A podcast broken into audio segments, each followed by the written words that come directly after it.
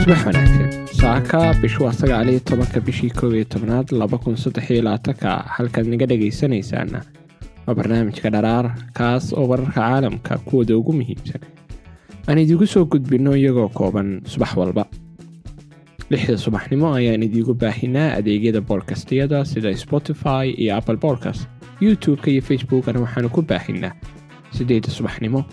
Waxaa idiin soo jeedinayaa saaka anigoo ismaaciil cali asad ah. Soo dhowaada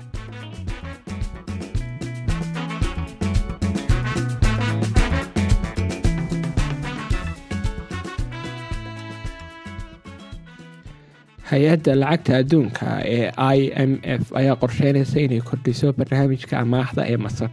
sababo la xiriira saameynta dagaalka qasa ee dariska la tahay sida lagu sheegay warbixin ay soo saartay wakaaladda wararka ee reuters. Agaasimaha maamulka kristalina georgieva ayaa u sheegtay wakaaladda wararka reuters jimcihii in i m f ay si qoto dheer uga fiirsanayso suurtagalnimada kordhinta barnaamijka deynta masar ee saddexda bilyan sababtoo ah dhibaatooyinka dhaqaalaha ee ka dhashay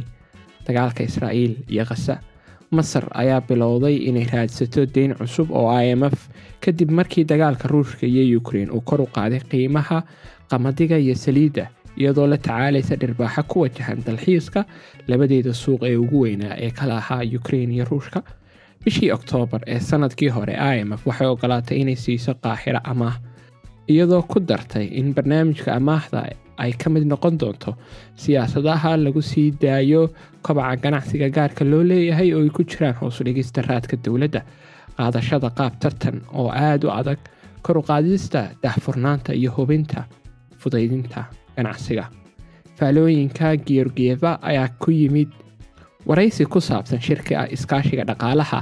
aasiya basifiga ee san francisco waxay muujisay in dagaalka kasa uusan ahayn keliya mid wax u dhimaya dhaqaalaha marinka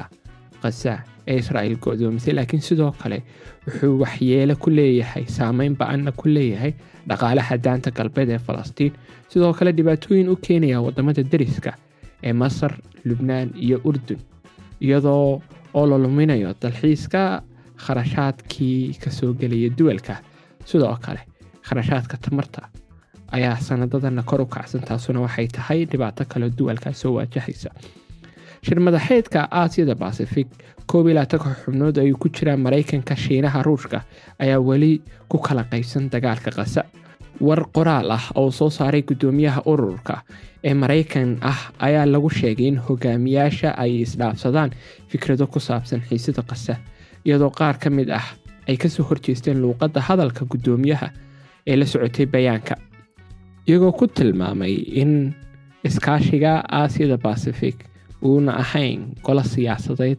oo lagu lafaguro siyaasadda gobolka iyo caalamka. Qaar ka mid ah hogaamiyaasha ayaa la wadaagay fariimo midaysan koob iyo toban noofembar shir madaxeedkii wadajirka ah ee carabta iyo islaamka ee ka dhacay riyaad ayaa lagu yiri bayaanka guddoomiyaha bruni indonesia malaysia ayaa war si wadajir ah u soo saaray ku sheegeena inay ka mid yihiin madaxda ururka aasiyada basifika ee dhaqaalaha iskaashiyeed ee taageeray fariimaha shirka riyaad kaasoo ku baaqay in si deg dega loo joojiyo howlgallada militari ee kasa iyagoo diiday in israa'el ay marmarsiyo uga dhigato falalka ka dhanka ah falastiiniyiinta iyo xasuuqa inay iyadu isdifaacayso. Saaka intaas ayuu inoogu eegayay barnaamijkeennu dhammaantiin wakhti fiican iyo maalin qurux badan ayaan idiin rajaynaynaa. Nabaday